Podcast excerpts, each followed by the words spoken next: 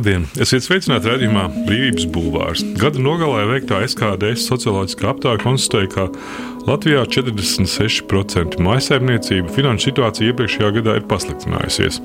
Kā rādīja iedzīvotāju aptaujas dati, pagājušajās gads lielākoties negatīvi atsaucās uz ģimeņa ienākumiem, bija transporta, ikmēneša mājokļu un pārtiks tēriņa pieaugums. Nesen arī sociālos medijos diskusiju vai satraukumu izraisīja pirms diviem gadiem apkopotie Eurostat dati, ka veselīgs dzīves ilgums Latvijā vīriešiem ir 52,6 gadi, sievietēm 54,3, kas bija zemākais Eiropas Savienībā. Kādi procesi neredz stāvējuši šiem socioloģiskiem cipariem. Radījumā Brīvības Bulvārs saruna ar socioloģijas zinātņu doktoru un Latvijas Universitātes sociālo zinātņu fakultātes eh, profesoru Baibu Bēlu. Labdien!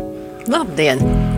Mūsu saruna ir par to, vai un kādi ārēji faktori nosaka to, kur mēs atrodamies un eh, kas te nereti var ietekmēt eh, izmaiņas. Un izskatās, ka tas režisora Rauja Hermaņa pareģojums pirms daudziem gadiem, ka mēs te kļūsim par garlaicīgo Dāniju, nav īsti piepildījies. Un droši vien arī nepiepildīsies, jo tas satrāviens starp garlaicīgo Dāniju un mums ir diezgan liels, un tie instrumenti, kā panākt, praktiski nav vai nelieli, un Dānija arī nestāv uz vietas. Bet es domāju, ka daudz labāk ir, ja paskatās, teiksim, ja mēs atceramies 90. gadu situāciju, kāda bija ar cilvēku ienākumiem un dzīves līmeni, un kāds tas ir tagad.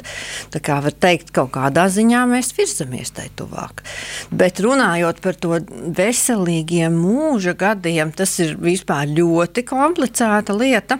Jo tie nu, pēdējo gadu pētījumi rāda, ka jā, nevienlīdzīgās sabiedrībās Nu, faktiski gan tā attīstība ir lēnāka, un es nerunāšu par dažādām tādām sociālām konsekvencēm, bet tām, kas attiecas tieši uz veselību. Tad Britiem teiksim, ir tie longitudinālie pētījumi, kur viņi ir sekojuši līdzi 50 un 70 gadus noteiktām dzimšanas kohortām. Un tas, kas ļoti spilgti tur parādās, kad uh, iedzīvotāji no nabadzīgiem un mazāk izglītotiem grupām jau piedzimst ar sliktākiem veselības rādītājiem, un šī sliktāku veselības rādītāju nu, plaisa saglabājas, nu, var teikt, vidējā plaisa saglabājas visā dzīves garumā. Un tas ir diezgan satraucoši, nu, ņemot vērā nu, to ekonomiskās attīstības līmeni un arī nu, izglītības līmeni dažās iedzīvotāju grupās, kas tā ļoti saulaini neļauj raudzīties uz nākotni. Alkohola patēriņš, maskustīgs dzīvesveids, veselīga pārtika, cik maksā veselīga pārtika, kāda ir iedzīvotāja ienākuma, teiksim, zemākajās kvintilēs, tu nevari veselīgi paēst. Un, ja nav ilgstoši, netiek um, praktizēti veselīgi dzīvesveida paradumi, teiksim, pilnvērtīgs uzturs, atbilstošs, kustīgs dzīvesveids, un ja vēl ir kaitīgie paradumi tam nāk klāt, viss tas ir diezgan iznīcinoši veselīgiem mūža gadiem. Viena no lietām, ko tu pēti, ir ilgspējīga attīstība, tādā sociālās nevienlīdzības kontekstā. Kas ir tas, nu, kas šeit parādās no tā, ko mēs varam prognozēt, kas notiks tālāk? Teiksim, tā šeit parādās varbūt um, tas, ka te gan vajag sabiedrībā plašāku diskusiju, jo daži arī Nobela prēmijas laureāti labklājības ekonomikā ir norādījuši, ka kapitālisms ir vienāds visur, bet tā sociālās sekas tomēr ir atšķirīgas. Nu, ja mēs paskatāmies, piemēram, nevienlīdzības rādītājus Amerikā un Eiropā, nu, Eiropa ir tomēr reģions ar globāli zemākajiem ienākumu nevienlīdzības rādītājiem. Un tādā ziņā, ja mēs paskatītos savus nevienlīdzības rādītājus pret Meksiku vai kaut vai to pašu Krieviju vai Ameriku vai Āfrikas valstīm, tad mēs nemaz tik slikti neizskatāmies. Un tā mūsu nevienlīdzība neizskatās labi, tad, kad mēs skatāmies uz saviem labklājīgākajiem, un citu arī nemaz ne visiem labklājīgākajiem Eiropas kaimiņiem. Jo Čehi, Slovāki un Slovēņi veidoja savu sociālo sistēmu atšķirīgu nekā mēs. Un viņiem ir zemāk, arī līdzīgi kā Somijam, Dāņiem ir viena no zemākajiem nevienlīdzības rādītājiem Eiropas Savienībā. Tā kā nevar teikt, ka te nu lūdzu mūsu postpadomju mantojums ir izšķirošs šajā ziņā. Tas tomēr ir tieši par to, kādā veidā mēs veidojam nodokļu politiku un sociālo atbalstu sistēmu. Un, un, un tad ilgtermiņā tur tomēr tas viss uzkrājās, un tas rezultāts ir tāds, kāds viņš ir. materiālās nenodrošinātības un deprivācijas rādītājos iezīmējas būtiskas kvalitatīvas atšķirības. Trīs jomas, kurām ir lielākais deprivācijas risks, ir saistītas ar mājas iekārtošanu un remontēšanu, kā arī došanos ārpus mājām.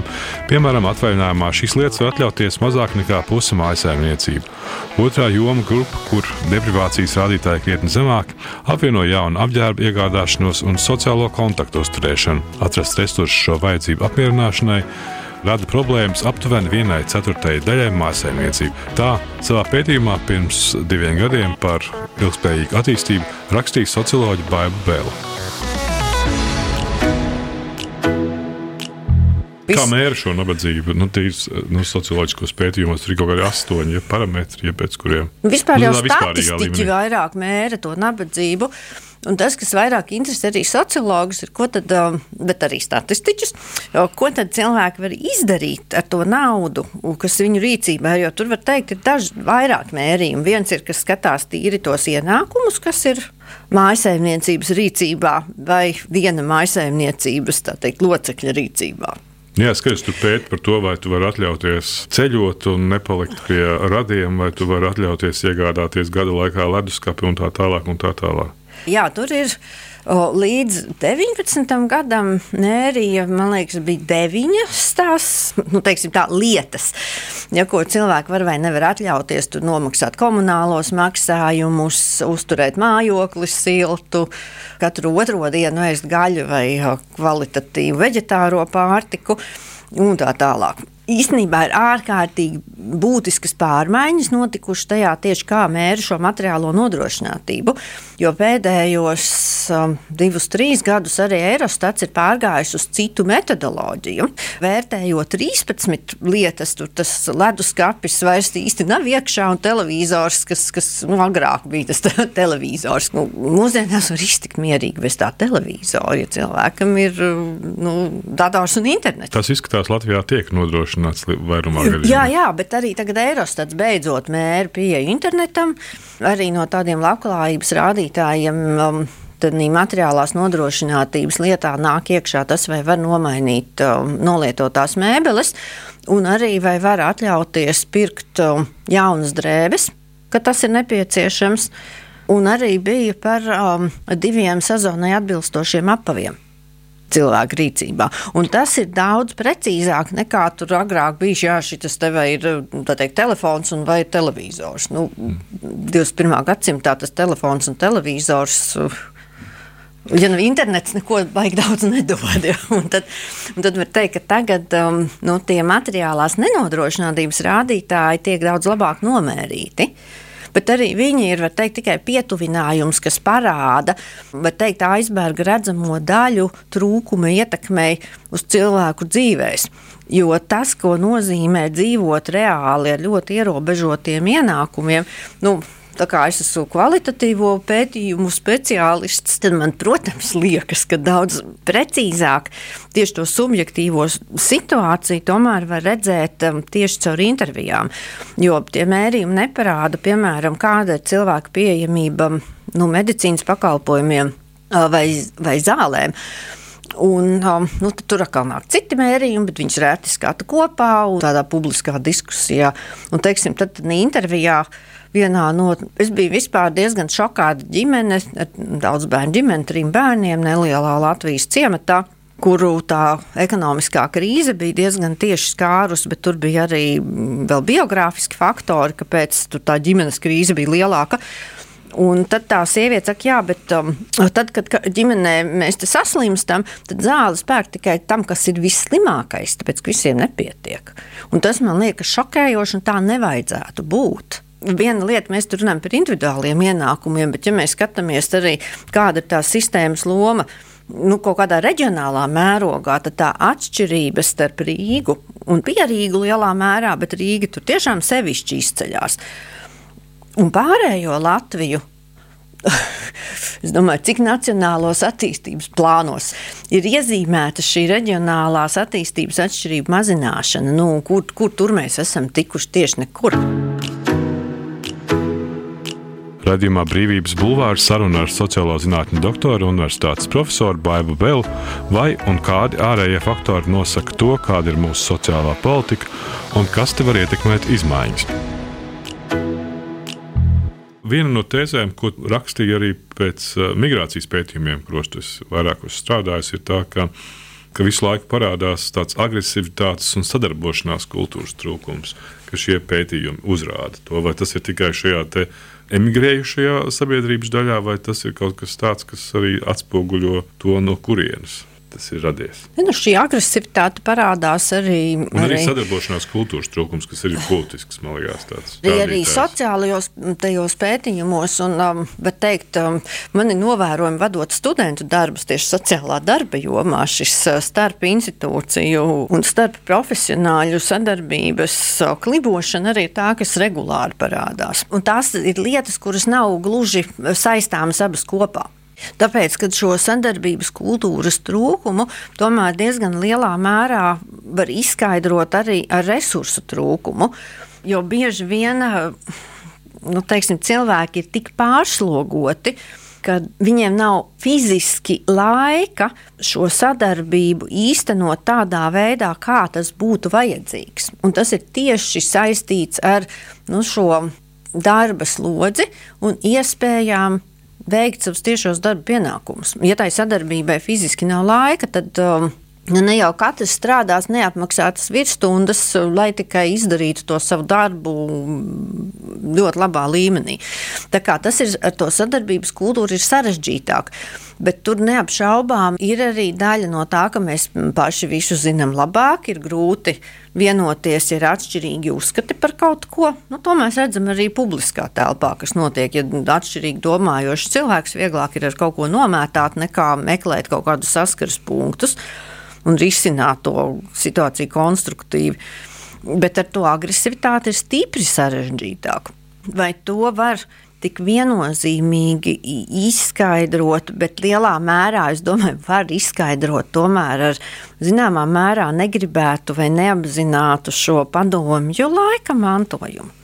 Cita lieta, ka vispār agresivitāte arī kopējā pasaulē ir bijusi augsta iepriekš, un vai viņa samazinās, un kādas ir tās pārmaiņas, vai tiešām Rietuma Eiropa kļūst miermīlīgāka un tolerantāka, mēs varam pieņemt, ka nu, lielās līnijās varbūt jā.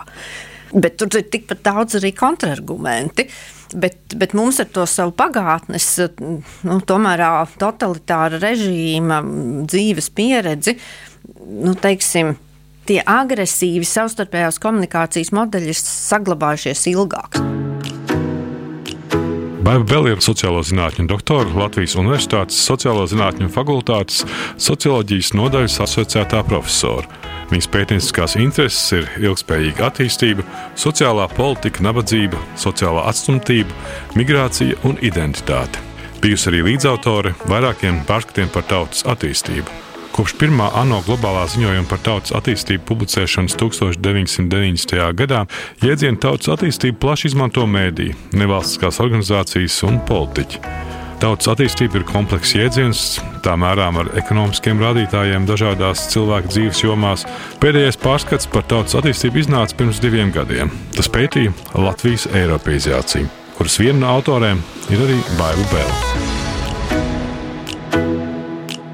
Kā tu kā sociologs skaties uz to klasisko izpratni attiecībā uz šo vērtību hierarhiju, ka primāri tātad šīs tā drošības vērtības nodrošinājums, materiālās labklājības vērtības nodrošinājums, un vai te neveidojas zināms paradoks, ka mums nereti tādā publiskā diskursa līmenī dominē tēmas, kurām nu, nav īsti sakara tieši ar šo primāro nu, vērtību aktualitāti nu, sabiedrībā kopumā. Nu, līdztiesības jautājumi un tam līdzīgi. Tie ir tie postmateriālo sabiedrību vērtību jautājums. Vai šī teorija vienkārši nestrādā vairs? Tad varbūt tā sasaiste ar to maslo vajadzību piramīdu, nu, ka mums vispār, ziņā, vispirms vajag apmierināt tās primārās vajadzības. Uh, te es teiktu, te lūk, nāk mūsu sabiedrības subjektīvais pašvērtējums. Ja mēs skatāmies globāli, ir 190 plus valstis.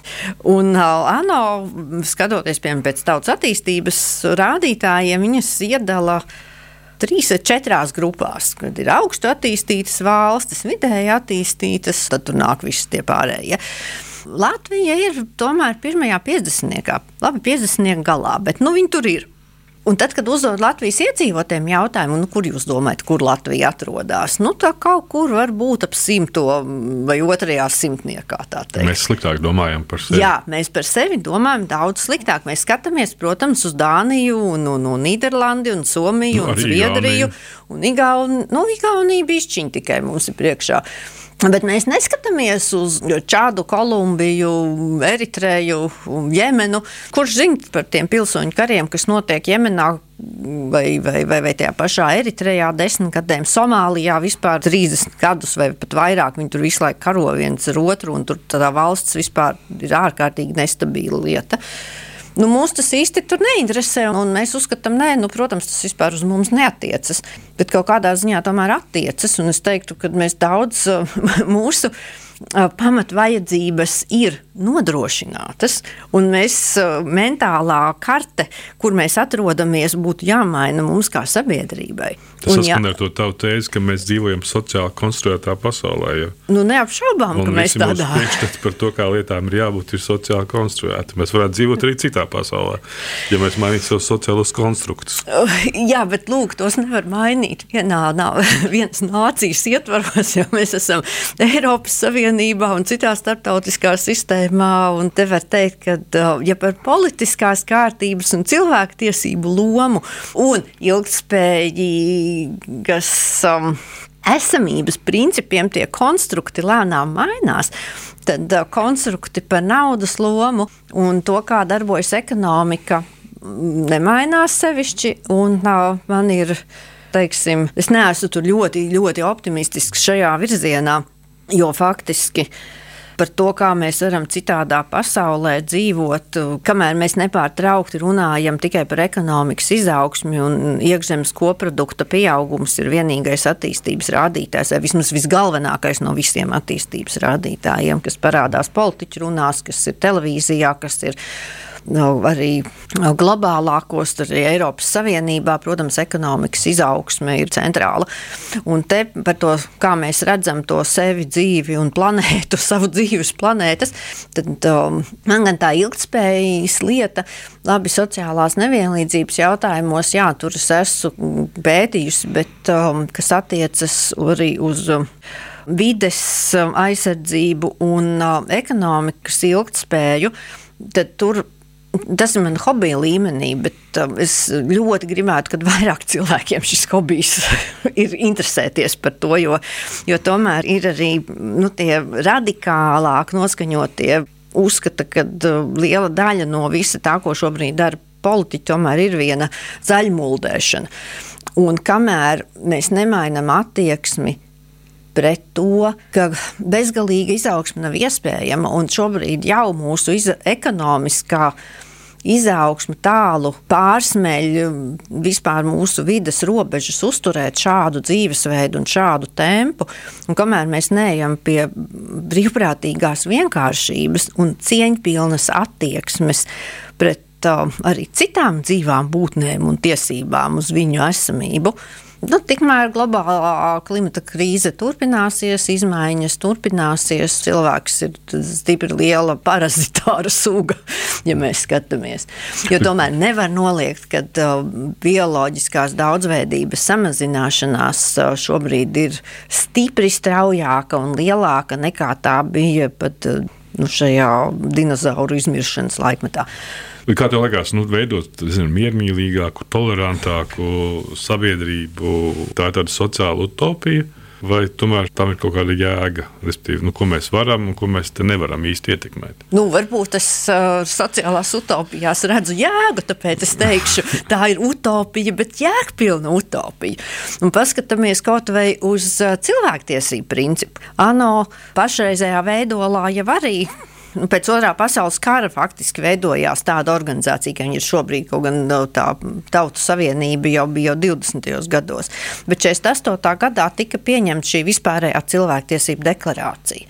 No tā laika, cik mums ir pagājuši 70 gadi ar kaut ko. Nelielas pārmaiņas tomēr ir cilvēku tiesību nozīmes pieaugumā. Nu, kaut vai ar rasismu jautājumiem, kas varbūt mūsu mazajā, ļoti baltajā zemē ir mazāk uh, redzami, bet tur, kur tie ir bijuši ļoti būtiski, kaut vai šī rasu nevienlīdzība un segregācija, vai tas ir Amerika vai kur nu vēl, vēl, vēl vairāk paņemt Dienvidāfrikas republiku ar to aparteidu režīmu. Mēs gan runājam arī par Austrumēropas stigmatizēšanu šajā oh, kontekstā. Nu, arī tas, Jā, bet, tas, bet... tas ir viena un tā paša diskursa daļa. Ai, tur arī ir ārkārtīgi liels debatas, jo, jo tie, kas ir, kas saka, nē, nevajag jaukt kopā, un ka tas ir kaut kāds drusku cits diskurs. Bet principā, nu, jā, mēs arī gan sevi paši stigmatizējam, gan arī tur čehu pētniekam Petram Ļekļičkam ir brīnišķīgs tas piemērs par pašaudzētajiem dārzeņiem. Un? Nu, šī urbānā dārzniecība vai pašaudzēti pārtikas produkti, nu, teiksim, Rietumē Eiropā tas skatās super cool, ekoloģiskais dzīvesveids, tā ir inovācija. Mums tā ir, es atvainojos, vairāk vai mazāk tradīcija. Un, um, Ilgstoši un, riet, jā, un rietumē Eiropieši to ir skaidrojuši kā nabadzības un izdzīvošanas dzīvesveids. Tagad šīs abas paradigmas saskarās. Nu, jā, un saskarās. Un tad mēs, eh, tagad ir jautājums, nu, ko mēs audzējam to savus dili un, un ābolu, tāpēc, ka mēs esam nabadzīgi, vai tāpēc, ka tas ir uh, dzīvesveids. Un Iekļička diezgan pārliecinoši parāda, ka tas ir tomēr dzīvesveids, jo arī tie, kas vairāk audzē arī nu, pašpatēriņam šo pārtiku, ir viduslānis īstenībā. Un tur viņš skata Čehijas un Polijas datus, manuprāt. Un arī šī savstarpējā apmainīšanās ar pārtiku, kas um, arī ir inovācija veselā virknē rietumu valstu, mums šī ir tradīcija. Nu, ja vienam ir ābolu gads, otram nav, tad cilvēki apmainās. Vai, ja kāds salas sēnes vairāk nekā ap, var apēst, tad labprāt izdala saviem radiem vai draugiem. Nu, mums ir daudzas lietas, kuras mēs īstenībā vispār um, nu, nenovērtējam vai nemārketējam tajos uh, nu, jaunajā terminoloģijā. Radījums Brīvības Bulvārs. Sarunas par to, kas notiek un ko mēs par to varam domāt. Tu rakstīji arī, ka tu pēdējā laikā esi nu, pievērsusies vairāk vai mazāk tiem pētījumiem, ar kuriem sāki savu socioloģisko karjeru, ir sociālās atmiņas pētījumiem. Ka tu labprāt atgriezos arī pie tiem, jo tu redz, ka ir tās tendences sabiedrībā, kuras notiek, kuras uh, neizbēgami nu, šos uh, procesus uzjundīja un padara publiskus. Tā, tā paša uzvaras pieminiektu nojaukšana un tam līdzīgi. Tas tādā ilgtermiņā, tādā sociālā atmiņas līmenī nu, iezīmē tādus problēmu laukus. Jā, tas Uh, šobrīd gan es esmu vairāk nozīmē, tādā... tā būtu tā nākotnes uh, potenciāls, jau tur ir redzams. Tā ir ļoti smaga tēma par šo nu, tomēr uh, divu atmiņu sabiedrību, kas Latvijā ir.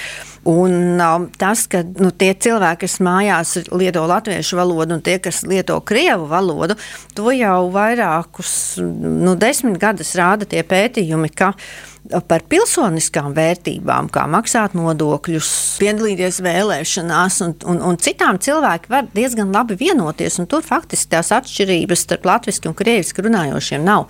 Bet tikko mēs skatāmies attieksmi pret valodu, kultūru un vēsturi, tur parādās uh, šī šķirtne ļoti būtiska. Un, um, tagad, kad uh, nojauca uzvaras pieminekli. O, nu, nekādi diži protesti nebija droši vien lielā mērā, tāpēc, ka bija 9. māja pieredze un cita apsardze un tas uh, karš fonā. Bet faktiski. Nu, draudēja arī izraidīt. Bija arī protestētājs no Eiropas Savienības. Faktiski tā tomēr ir problēmas paslaucīšana zem tepiņa Tāpēc, ka diskusija ir ārkārtīgi nepieciešama, un to parāda faktiski divas lietas, ka saskaņa saimā netika ievēlēta, un paši viņi var teikt, ko viņi grib, kad okupācijas pieminekļu nojaukšana nebija tas būtiskākais un saskaņas stingrs nosodījums karam. Acīm redzot, es tomēr domāju, ka elektorāts domā citādāk. Un man bija ārkārtīgs šoks šajā jaungada naktī par petardēm un šaušanu 23.00. 23.00 tā rīboņa bija fundamentāla. Un te, nu, lūk, man ir jāsaka, es nezinu. Tādēļ, ka mēs esam tomēr šī, nu, var teikt, divu kopienu sabiedrība. Tas jaunā gada naktis to demonstrēja ārkārtīgi spilgti. Tas mans burbulis ir vairāk vai mazāk latvisks, un tagad es domāju, jā, arī tie, mm, kopš kara izrādās arī tie, kurus domāju, ka viņi ir krievi, izrādās ir ukrāņu sakne. Tad daži ir būtiski tādi, kas varētu būt etniski krievi, kuriem es droši vien uzdošu to jautājumu, kā viņi to skaidro. Bet, godīgi sakot, es nezinu, ko tie cilvēki domā. Es nezinu, kādēļ 11. tās petardas, visi tie salūti gāja gaisā ar tādu blīkšķi. Jo es sapratu, ka tie cilvēki dzīvo pilnīgi citā domāšanas telpā nekā es.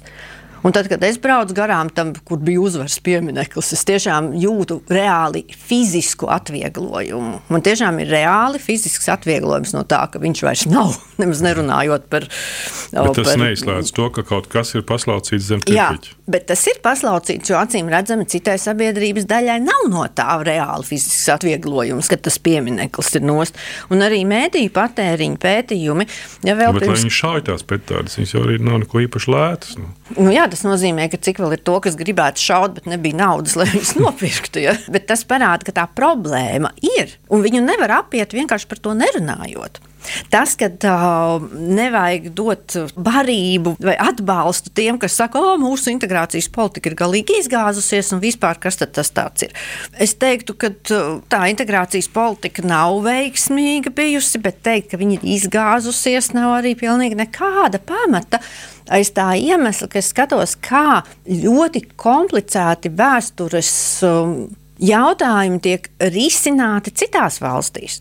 Somijā pilsoņu karš bija 19. gadā, 1919. gadā. Bija vajadzīgi 70, 80 vai pat 100 gadi, lai viņi varētu sākt kārtīgi, atklāti diskutēt par sava pilsoņu kara nodarījumiem. Jo tur arī ir vienā ciemā vieni šāvuši pret otriem daudz mirušo abās pusēs, kuram tur ir taisnība, kuram netaisnība, kā vispār to vērtēt. Tā teikt, pēc simts gadiem viņi par to var diskutēt. Spāņu pilsoņu karš 1939. gads. Vēl ap 2000. gadu tikai sākās diskusijas par to, kā mums vērtēt pilsoņu kāru un to, kas notika abās pusēs un ko cilvēki tajā laikā darīja. Tas nozīmē, ka šobrīd diskutēt par padomju mantojumu būtu mazliet pāragri, jo vēl nav nemaz pat 30 gadi ir knapi pagājuši. Nē, nu es neteikšu, ka pāragri. Tagad es lasīju to asmenes grāmatu. Mēs arī dzīvojam līdz šim tajā nu, pārliecībā, ka šī denacifikācija notikusi pēc otrā pasaules kara, un kopš tā laika arī tā, tā vācu tauta apzinās to savu atbildību ebreju nogalināšanā. Bet faktiski, jā, denacifikācija notika, bet uh, ebreju nogalināšana tik un tā tika paslaucīta zem tepiķīša, jo tobrīd tas uh, nu, bija kaut kā vieglāk dzīvot tālāk. Un tikai pēc abu Vāciju apvienošanas faktiski holokausts ir kļuvis par ārkārtīgi centrālu tēmu, par kuru tiek runāts. Un arī par šo kolaboracionismu ar, ar nacismu režīmu, savu vainu un atbildību. Tā kā var teikt, ka nu, mēs neko neesam nokavējuši šī ziņā. Bet atlikt šo sarunu sevišķi arī Krievijas kara fonā būtu bīstami. Tagad ir labs laiks, lai cik tā saruna ir nepatīkama un sāpīga, bet viņa ir jārisina. Bet, toprāt, mēs dzīvojam interesantā laikā tagad, nu, salīdzinoši nu, ar citiem laikiem. Es domāju, ka tu esi dzīvojis. Nu, neapšaubāmi. Es gan teiktu, ka droši vien visi laiki ir interesanti. Varbūt tas ir attieksmes jautājums, bet uh, es varu teikt, kā Vinijas Būks, mana mīļākā diena ir šodien. Skaidrs. Paldies. Tā bija socioloģija Baiba Belts, bija radījums brīvības uh, bulvāris. Mans vārds Gīns Grūba, radījumu ierakstīja Toms Šits un Montē Nora Mitspa. Paldies! Brīvība ir brīvība. Nevienlīdzība vai taisnīgums, vai kultūra vai cilvēks laime Tā teica Iesai Berlīns. Sarunas ar brīvas apziņas un ideju cilvēkiem radījumā Brīvības bulvārs.